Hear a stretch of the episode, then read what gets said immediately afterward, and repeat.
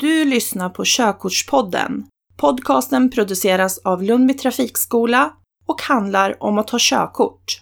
Vi som pratar i podden är tre trafiklärare och en elev.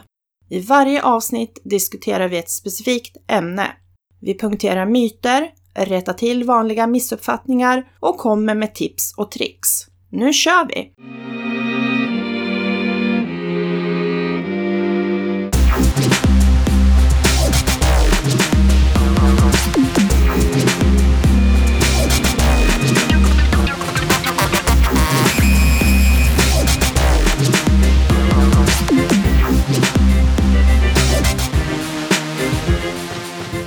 Hej och välkommen till Körkortspodden. Jag som pratar heter Jakob Svärd. Jag håller just nu på att ta körkort på Lundby trafikskola i Västerås.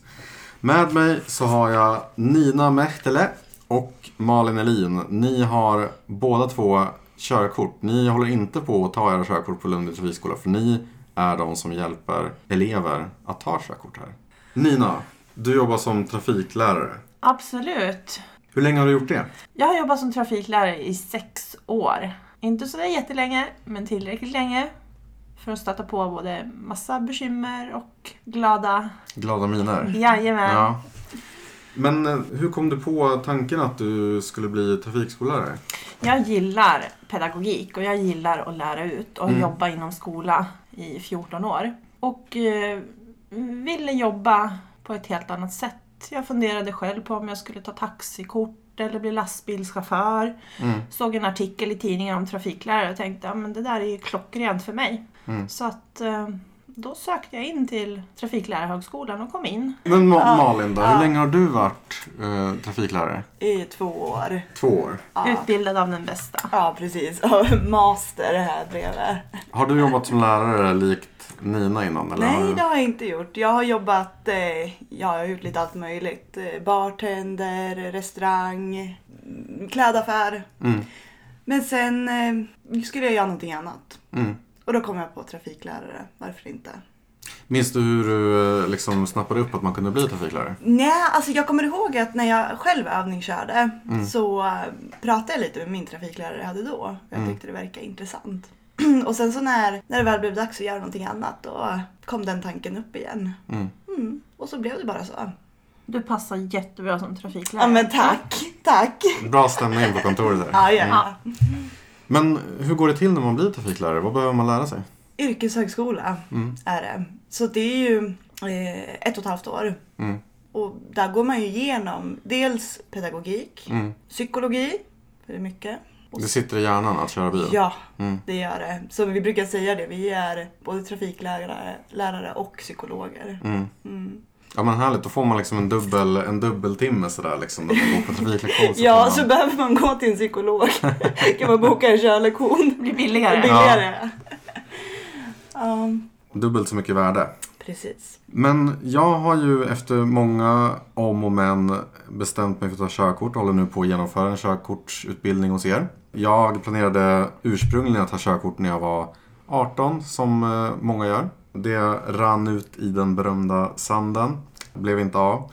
Och det har tagit, tagit ett par år att komma hit till där jag känner att jag behöver ett körkort. Liksom. Jag behöver kunna köra bil. Hur, hur var det för er? Var ni, hur gamla var ni när ni tog körkort? Jag var 18. Ja, Mm. men. Ni var båda duktiga men ni men jag tror det från är därför vi båda kommer ifrån en eh, mindre stad. Och i mindre städer måste man ha körkort för att kunna ta sig någonstans. Mm, Och det är ju som, ja men där jag kommer ifrån, då är det att när man är 18, då ska man bara ha körkort. mm. Så det var alla kompisar, allting. Alla Om man det. inte tar körkort. Ja men då, då är det så här, är du dum i huvudet? Det finns ju liksom inte på världskartan. Nej, det gör inte utan det. man, det är bara det man gör när man fyller 18. Mm. Så var det ju. Mm. Minns ni hur den processen var för er? Var det lätt eller svårt att ta körkort tyckte ni? Jag började övningsköra med min pappa. Vi åkte till grusgropen i Kungsör. Eh, Fem minuters träning där med att titta vart pedalerna sitter, lära sig starta och gasa. Sen var det bara ut på landsvägen och köra. Min första runda den var från Kungsör till Hällarna i Arboga Mm. och tillbaka hem. Och pappa försökte hitta vägar där vi slapp stanna. För att eh, han ville ju inte att jag skulle få motorstopp. Mm. så här i efterhand så när man är trafiklärare så är det rent idiotiskt. Vad var faran med ett motorstopp? Det låter inte så farligt. Nej men det var väl det att han var väl rädd att jag inte skulle komma iväg. Ja, okej. Han Mm. ville mer att jag skulle få känna känslan av att köra bil. Mm. Eh, Som jag ser det nu efterhand, ratta bil och vara på vägen. För att så fort jag hade möte så ville man ju dra sig ner mot dikeskanten. Mm. Så det var ingen pedagog som satt bredvid mig och lärde mig köra bil till en början. Mm. Sen tog jag en intensivkurs på två veckor Mm. och bestämde mig att nu jäklar, nu ska jag bli klar. Och det, det gick bra. Det gick bra. Men eh, minns du hur det var liksom det där, du berättade om din första tur där ute vid Kungsör. Alltså, var, var det läskigt tyckte du att köra bil första gången?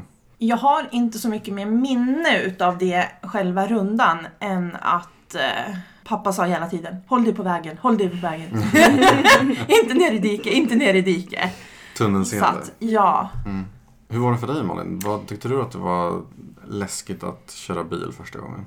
Nej, jag tyckte inte det. Nej, Och jag började ju när jag var 16 år att övningsköra. okej. Eh, Min gymnasieskola jag gick på hade ett samarbete med Trafikskolan så vi Mm. fick körlektioner. Och sen övning körde jag jättemycket hemma med mamma. Mm.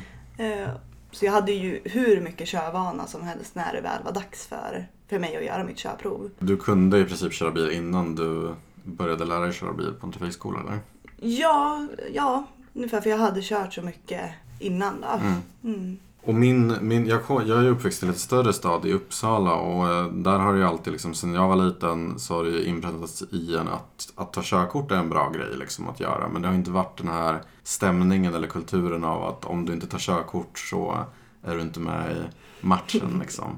Utan eh, det är ju en så här klassisk cykelstad där många cyklar och tar sig fram till fots. Sådär. Hade du kompisar som tog körkort? Det hade, det hade jag Ja. absolut. Alltså man kände ju ett visst liksom, grupptryck inom, inom kompisgänget och sådär när folk började ta Mm. körkort. Men det var fortfarande sådär att det var mer accepterat på något sätt. Eller man förstod varför man inte tog körkort och man kunde ta sig runt ganska bra Mm. inom den stan eh, via buss, kollektivtrafik. För så upplever jag att det är här i Västerås också. Att folk har inte samma behov av körkort som man har i en, i en, mindre stad. Mm, Utan här finns det bussar, man kan cykla. Det finns det inte i mindre städer. mm, Och, då blir, och sen samma med, med kompisar. Tar inte ens kompisar körkort, nej men då är det inte så intressant. mm.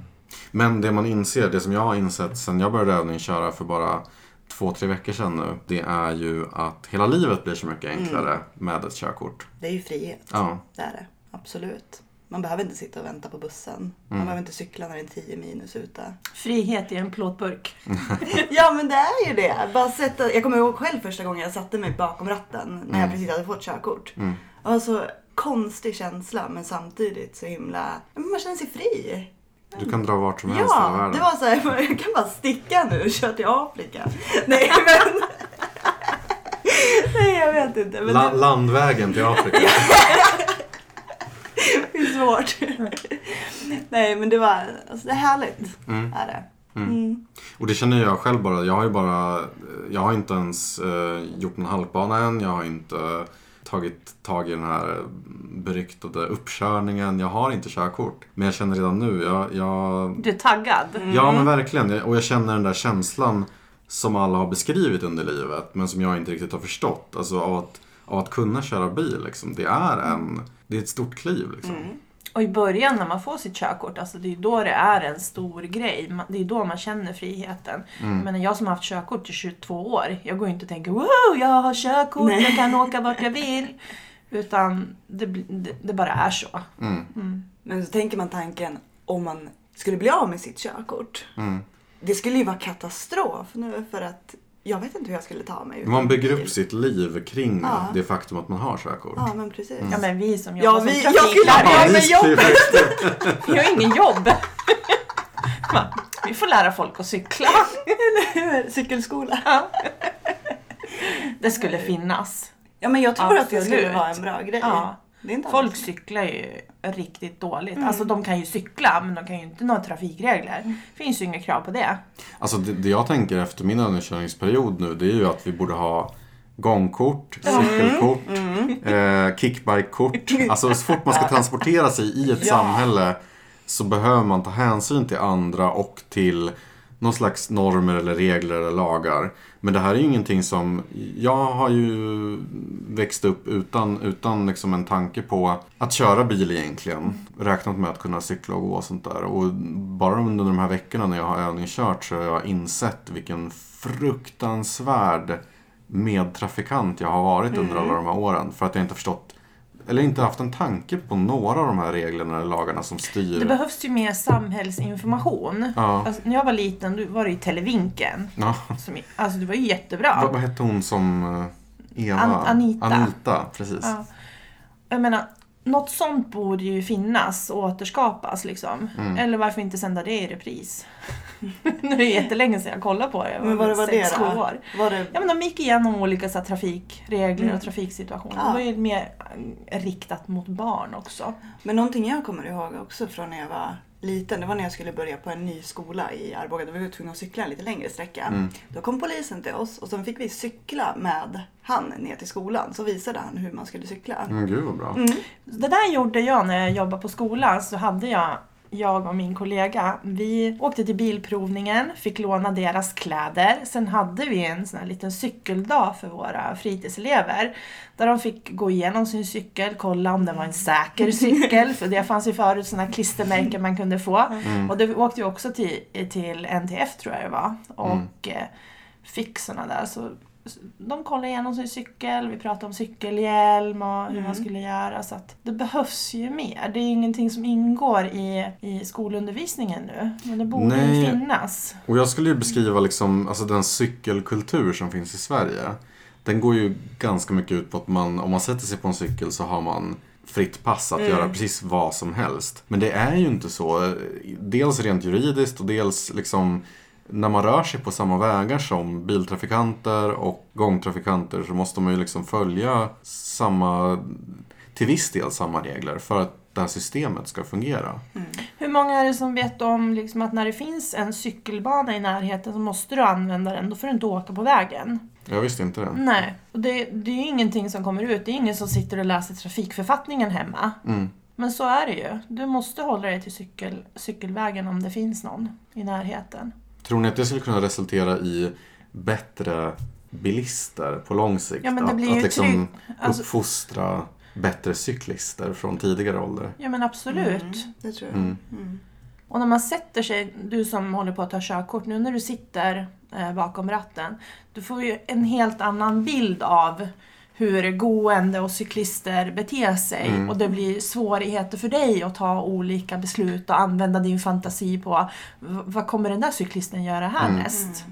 Men precis, jag har ju varit den där eh, gångtrafikanten som har sprungit ut i vägen tusen gånger liksom. Men nu har jag, när jag har sett den där personen i andra människor ur, ur mina bilistögon så att säga, eller med mina bil, bilglasögon, så eh, har jag försökt skärpa mig till slut. Ja men det är ofta så, när man väl börjar köra bil då får man en helt annan förståelse Mm. för hur bilister uppfattar en som gående och ja, när man är ute och cyklar. Mm. Det vet jag själv när jag var ung. Jag var helt, alltså helt galen när jag cyklade. Och gick för den delen. Jag var den här, jag bara knatade rakt, rakt ut i vägen. Jag cyklade, bara svängde ut. För jag tänkte att de ser mig. Mm. Men sen när jag fick körkort då förstod jag att nej, så är det inte. Nej, man måste ju hinna reagera. Mm. Mm. Och som, eh, ja men nu mörker igår jag körde. Det såg, man ser ingenting. Nej. Nej, men det ser man ju inte som när man är ute och går. Man tror ju att ja, men bilisterna de har ju lysen fram. Klart att de ser mig. Mm. Nej. Det, ja, men precis, det är en farlig inställning som liksom frodas eh, starkt överallt i, i Sverige. Det här med att man som, som gångtrafikant eller cyklist, att, att, bilister ska, ska, att det är bilisternas ansvar att Mm. ta hand om trafiken på något sätt. Men så är det ju. Enligt lagen är det ju. Vi sitter ju i ett eh, mordvapen kan man säga. Mm. Och vi måste ju skydda de oskyddade trafikanterna. Mm. Vi får inte köra på dem bara för att en gående bryter mot lagen eller en cyklist bryter mot lagen. Nej men precis, men det vore skönt med lite mer ömsesidighet kanske. Absolut. Mm. Men jag tänker, hur, hur kan ni liksom för mig som eh, inte, inte har körkort och inte förstår någonting om eh, hur man eh, bäst har körkort än. Kan ni förklara, vem är Trafikskolan till för? Va, va, hur ser era kunder ut? Den är till för alla som vill ta körkort och vill ha hjälp med, med alla delar där kring. Mm. Det är dels körning hjälper vi till med. Teori hjälper vi till med. Eh, om man vill övningsköra hemma med en privat handledare har vi kurser. Mm. Eh, och sen riskutbildningar. Risk 1, risk 2. Vi hjälper ju även till om man har problem alltså med att göra sökningar för muntligt prov eller förlängda prov. Mm. Eh, Vad innebär det? Muntligt prov? Muntligt prov det är att du får göra ditt teoriprov muntligt då, istället för att Okej. göra via dator Mm. som, det, som det vanliga är. Då. Mm. Och eh, förlängt prov då får man 75 minuter Mm. istället för 50 minuters tid på sig att göra sitt. Det vill jag ha. Det vill du ha. Ja, då måste vi göra en, en liten utredning på dig. Mm. Fylla i lite papper. Skicka in till Transportstyrelsen. Och det kan ta upp till tre månader innan man får det beviljat. Så det är jätteviktigt att man gör det här eh, ganska Tidigt. tidigt. Mm. Kanske till och med innan man har börjat köra. Sen gör vi ju då en anpassning utav utbildningen. Mm. Kan du kanske behöver lättlästa böcker, en CD-skiva där körkortsboken är inläst, Mm. enskild teori. Alla de bitarna så kan ju vi hjälpa till med. Mm. Men jag tänker så här, finns det några arketyper? Hur ser den vanliga körkortstagaren ut liksom? Övningskör de flesta idag privat hemma innan de kommer till er? Eller är det... De flesta gör det, ja Mm. det gör de. Sen finns det ju de som inte har någon att övningsköra privat med. Eller som inte vill övningsköra privat med någon. Mm. Utan känner den här tryggheten att gå till trafikskolan på en gång och lära sig rätt. Mm. För det finns ju ibland nackdelar med att bara köra privat. Och det beror ju helt och hållet på handledarens kunskaper till att lära ut. Eh, För det händer ofta att vi får elever som har övningskört hemma i ett, ett och ett halvt år. Som kommer hit, de har bokat ett prov om två veckor, vill komma och göra sista finslipen. Mm. Och så visar det sig att fotarbetet är ju helt galet. För det vanligaste felet man gör när man övningskör hemma det är att man har inte riktigt koll på när man stoppar ner kopplingen. Nej. Den åker ner i både tid och otid. Mm. Och då har man, eh, som jag brukar kalla, blivit hjärntvättad helt fel. Och då måste vi rensa minnet. Mm. Tvätta om er. Ja. Och börja lära om. Mm. Och det är en tidskrävande process. Är, det, är det svårt att lära om? Det är svårt att lära om. Mm. Och där kan elever känna sig väldigt frustrerade över att de tycker att de kan köra bil när de kommer till oss och sen klankar vi ner på det Mm. och de får börja träna om igen. Precis, men ni försöker ju inte sänka dem utan det där är ju någonting som en eh, inspektör sen under uppkörningen också skulle Ja, Iaktta ja och, precis. uppmärksamma. Så att vi, när vi har våra introduktionskurser här så talar vi ju om för våra elever som kommer där då, att eh, ta några lektioner på trafikskolan till en början och ha handledare med här hos oss. Mm. Åk med och lyssna på hur vi lär ut och gör mängdträningen hemma. Mm. Och sen när man har lärt sig det då kommer man tillbaka hit så bygger man upp det där legot. Går till nästa moment, följer med. Vi lär ut hur man gör och sen mängdtränar man hemma. Så att man lär sig rätt genom hela processen. Mm. För, för tidigare så har det varit så att man har ju kunnat handleda under privat övningskörning utan att ha genomgått en kurs. Har det varit så? Ja, det var ju det min pappa gjorde med mig. Ja, men precis. Ja, då var det ju bara att sätta på skylten och ut och köra. Ja. Så om du hade körkort så betraktades du som en, en lämplig Ja. utlärare. Mm. Va- varför ändrade man det där? Vet ni det? Riskerna i trafiken framför Mm. allt. Alltså vi försöker jobba mot nollvisionen med noll svårt Vad innebär skadade. den? Eh, noll, eh, att man försöker nå noll svårt skadade och dödade i, i trafiken. Mm. Och eh, ett led i det är ju den här introduktionskursen som man går. Och riskutbildningarna. Riskettan som en teoretisk tre timmar utbildning som alla Mm. körkortstagare måste genomgå. Alkohol, droger, trötthet, riskfyllda beteenden i trafiken. Och risk tvåan är som vi i folkmun kallas för halkbanan. Mm. När är man som mest lämpad för att ta körkort? Är det när man är 18 och har övningskört sedan man var 16 eller precis börjat övningsköra? Eller är det när man är som jag, 28? Vad skulle ni säga? Alltså, det är ju så här, när man är yngre, Mm. man lär sig ju lättare. Det är ju så. Mm. Och när man är yngre, som är man 18, då har man ju inte så mycket annat utan man går i skolan. Mm. Man kanske har något extra jobb på helgen då och då men man har ingen familj. Man, man har inte det här att jobba 40 timmar i veckan som tar Mm. mycket tid. Mm. Så absolut, 18-åringar kan ha lättare än en ja, kanske 30-40-åring. För då Mm. har man mer runt omkring. Ens liv ser annorlunda ut. Mm. Men sen är det ju också mognad. Mm. Mm. En eh, 18-åring den, den eh, har ju inte samma mognad som en eh, 35-åring. Men vad, vad menar du med mognad? Alltså att man... ja. Förnuftet. Ja, förnuftet ja. För att ju äldre vi blir desto förnuftigare blir vi ju. Mm. Så är det. Absolut. Till slut sitter vi där som visa, Visa visa män. gummor och män. Ja, precis. Så inlärningen är ju mycket lättare när man blir yngre. Mm. Och den blir bevisat svårare ju äldre man blir. Mm. Och det märker man ju även på de elever som kommer till oss. Att blir man där 30 plus då blir det lite svårare att Mm. lära sig. Speciellt om man aldrig kört bil. Eller finns de elever som aldrig har setat i en bil. Mm. Kommer från sådana kulturella förhållanden. Och det blir väldigt svårt och det blir väldigt dyrt Mm. att ta körkort. Vad, ska, vad, vad, vad kostar ett körkort och vad borde det inte få kosta? Oj, det var en jättesvår fråga. Mm. Vi brukar ju säga att våra elever snittar ungefär 35 lektioner Mm. om man inte har kört bil tidigare. Eh, sen är det ju personliga förutsättningar helt klart. Och där vet man ju inte. Det kan ju hända ibland att vi gör en bedömning på en elev att den här är väldigt snabblärd. Sen fastnar man någonstans i utvecklingsprocessen. Mm. Man kanske har jättesvårt med teorin och då drar det iväg. Mm. Det finns liksom inget facit Nej. i att ta körkort. Men man får räkna runt 15 000. Mm. Finns det någonting som man kan göra för att underlätta för sig själv inför att man ska börja ta körkort? Hjälper det att börja läsa teorin ännu tidigare än 16? Hjälper det att liksom... Nej. Nej. Inte att börja läsa teorin innan du har börjat köra. Mm. Utan göra teorin och körningen hand i hand. Alltid hand i hand. Ja, Mm. Så att du förstår vad det är du sysslar med. Mm. För när du sitter och läser om regler och, och trafiksituationer så kan du inte riktigt sätta dig in i situationen.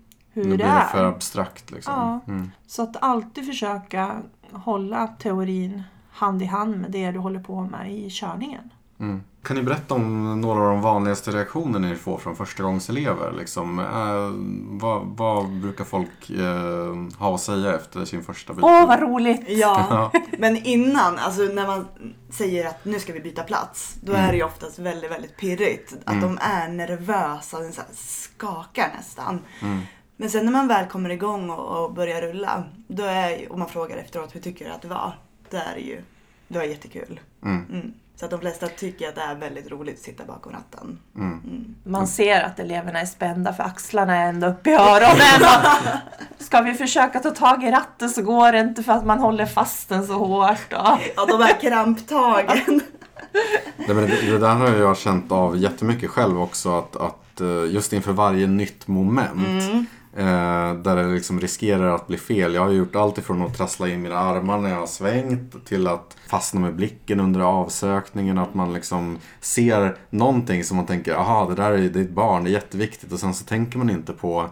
Trafiken är liksom som. Eh, det är som ett rullande band liksom. Det händer ju saker hela tiden. Så man måste liksom låta Släppa, blicken. man måste släppa blicken. För att det är ju så att det du ser, det måste du kunna registrera och ändå ha i periferin. Hela tiden söka om nya områden. Och det är det som är så svårt i början. Mm. Just att veta vad, vad ska jag lägga mitt fokus på. Mm. Är det så att man måste, liksom, måste man koppla om vissa sladdar i hjärnan för att bli en bra bilförare? Är det liksom en process? Ja, vi unpluggar dig först och sen pluggar vi in dig. Ja, precis. Nej men det är ju det här alltså att hjärnan måste ju välja ut vad är viktigt. Mm. För att i trafiken, det är ju nya intryck hela, hela tiden. Mm. Och det går inte att hålla koll på allt. Utan man måste sålla. Mm. Vad är viktigt för mig just nu? Sortera. Ja, Mm. precis. Så åker vi in i, i mot stan till exempel. Och sen så ska vi bara fortsätta åka rakt fram. Så ser du en massa skyltar. Mm. Så ser du till exempel parkeringsskyltar på sidan. Men du är inte intresserad av att parkera, ja, men då kan du skita i dem. Mm. Så man sorterar, vad är viktigt för mig? Mm. Och innan man har fått in det där, då, då blir det att hjärnan den ska ta in Det allt. är sån här overload Ja, liksom. Ja, Ja. och då blir det ju... Man blir trött. Ja, man blir jättetrött. Man blir kortsluten liksom. Ja. Ja, men det är också det här i början när jag kör med, med elever. Sen kommer de till mig efter några dagar och bara, du jag har sån träningsverk. Mm. Jag bara, vad har du gjort då? Jag bara, nej det är så konstigt för jag har inte tränat. Och bara, nej men du sitter och spänner dig. ja. De här Ja, raka, o- omedvetet armarna. så spänner man sig Mm. i början.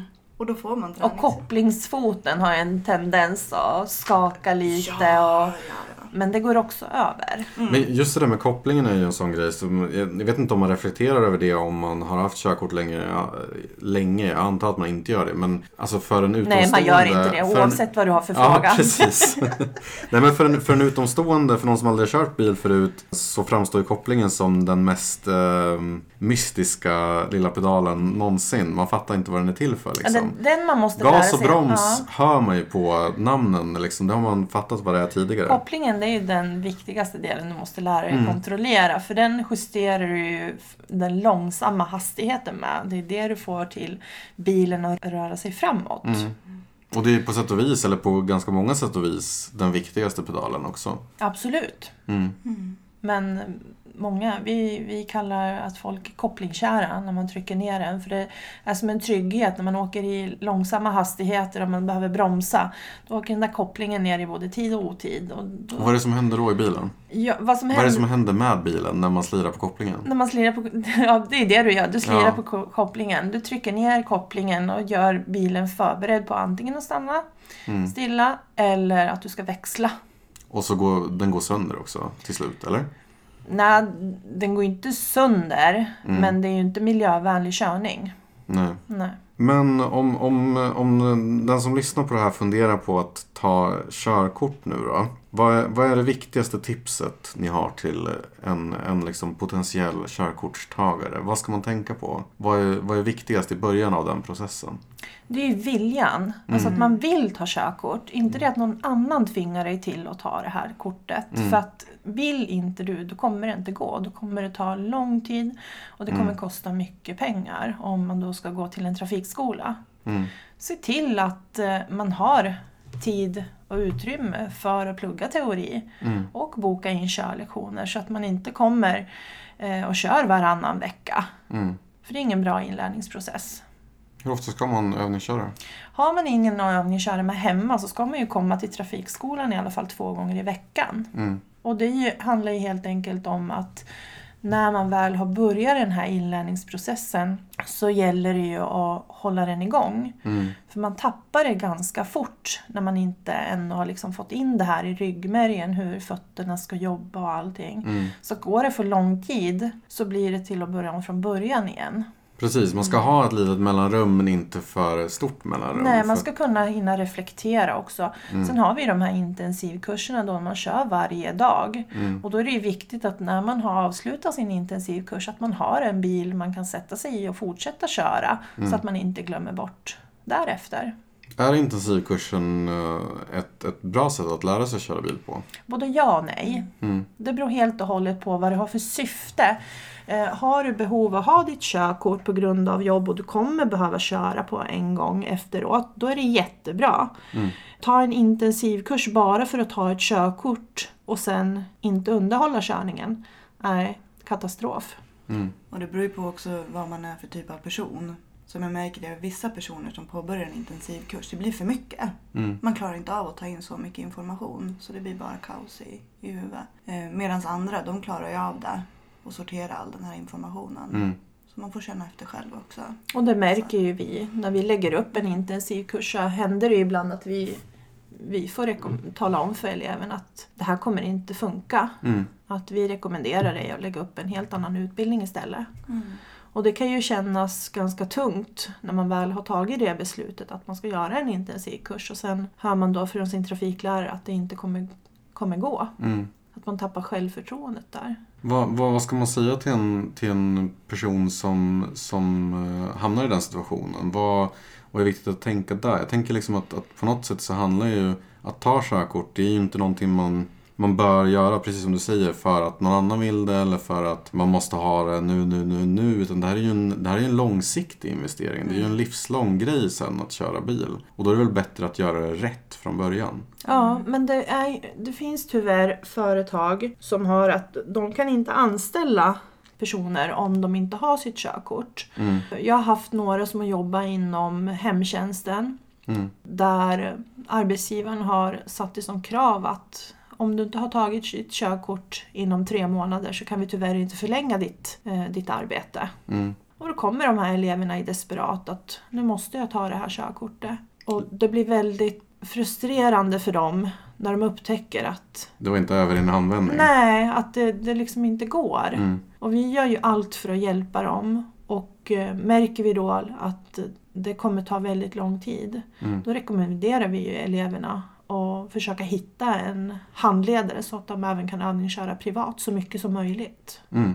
Vi kommer ju under den här poddens gång att eh, komma in på några av de här sakerna igen. Vi har strukturerat den här podden så att vi kommer att prata om ett specifikt ämne per podd. Och vi kommer att gå djupare in i detalj på alla de här sakerna man skulle kunna tänkas undra inför och under sin körkortsutbildning. Vi som pratar idag heter Nina Mehtälä. Och Malin Elin. och jag heter Jakob Svärd. Och jag kommer förhoppningsvis ha ett körkort inom kort. Det kommer du ha. Tack vare er. Tack för idag. Hejdå! Hejdå! Det var allt för Körkortspodden för den här gången. Har du frågor till oss om ditt körkort? Hör av dig till oss på Lundby trafikskola i Västerås. Du hittar oss på Facebook, på lundbytrafikskola.se samt på telefonnummer 021 475 14 00.